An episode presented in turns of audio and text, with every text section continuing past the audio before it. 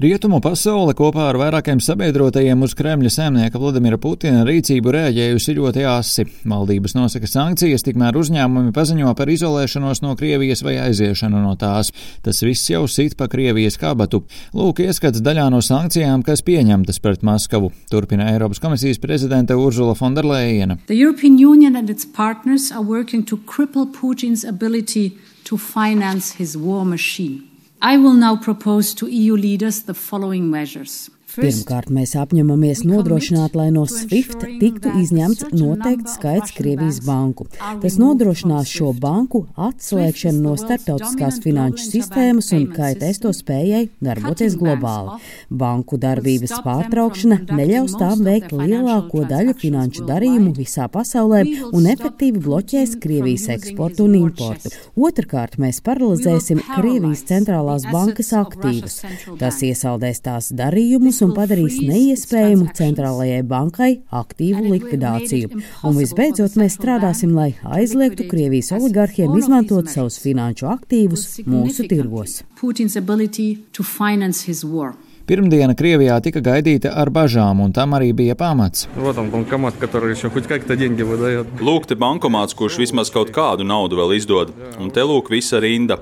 Es no sākuma domāju, ka tā ir rinda uz toaleti, bet izrādījās vienkāršāk. Par to liecināja arī rindas pie bankomātiem, kas bija novērojamas jau neilgi pēc Krievijas uzsāktā kara. Cilvēki pulcējās, lai censtos izņemt savus rubļu uzkrājumus un samēnītu tos pret citām valūtām pirms rubļa vērtības strauja krituma.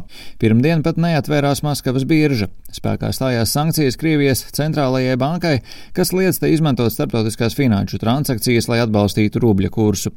Tādējādi ļoti būtiski ierobežotas centrālās centrālās bankas iespējas izmantot savas 600 miljārdu ASV dolāru vērtās rezerves, lai atbalstītu rubļa kursu, kurš jau pagājušajā nedēļā bija zemākajā vēsturiskajā līmenī. Krievijas rubļa kurs pret ASV dolāru pirmdienas rītā tirdzniecībā ārpus Krievijas krita par teju 30%.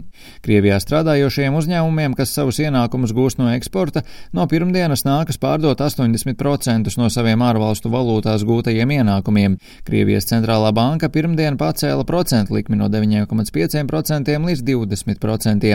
Krievijas centrālā banka arī paziņojusi, ka aizliedz mākleriem pārdot ārzemnieku īpašumā esošus Krievijas vārdspapīrus. Iedzīvotāji un uzņēmumi sankciju dēļ saskaras ar finansiālās situācijas pasliktināšanos, ko atzīst arī centrālās bankas vadītāja Elvīra Nabijūļina. Apstākļi Krievijas ekonomikā ir kardināli izmainījušies. Jaunās ārvalstu sankcijas noveda līdz būtiskām izmaiņām rubļa kursā un ierobežo iespējas izmantot mūsu zelta valūtas rezerves. Tas viss no mums pieprasa īstenot šaura spektra pasākumus finansiālās stabilitātes atbalstam. Centrālās bankas vadītāja paziņoja, ka visas Krievijas bankas pildīs savas saistības pret klientiem un visi kontos esošie līdzekļi ir pieejami. Bankas nevar mainīt nosacījumus jau izsniegtajiem kredītiem un hipotēkām. Tām arī ieteicams veikt kredītu restruktūrizāciju un nesodīt klientus par maksājumu kavēšanos.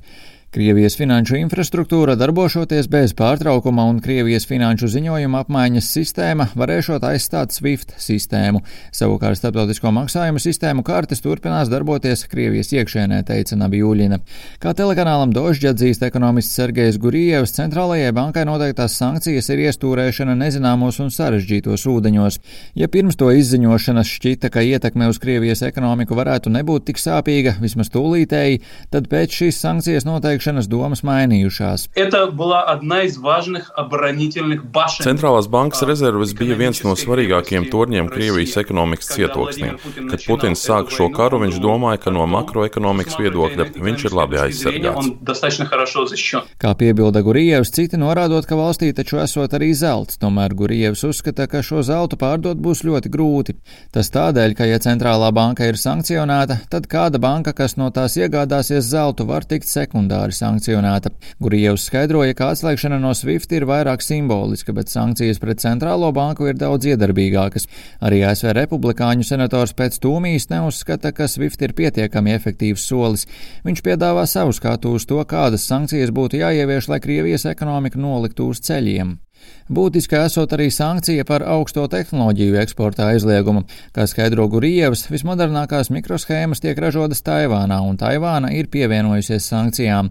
Tas nozīmē, ka nebūs perspektīvu tehnoloģiju attīstībai, un tehnoloģiju attīstība Krievijā apstāsies.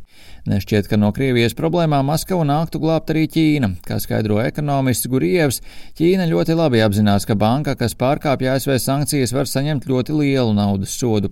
Kā jau atzinis Mihails Hodorkovskis, gaidāma strauja inflācija, preču trūkums un īsāk sakot viss tas, ar ko Krievi saskārās jau 90. gados. Tikmēr oligarhs Oļegs Deripāskas sacījis, ka ir pienācis laiks mainīt ekonomikas politiku un izbeigt valsts kapitālismu, jo valsts ekonomika cieš no rietumu sankciju sekām. Rihards Plūme, Latvijas radio.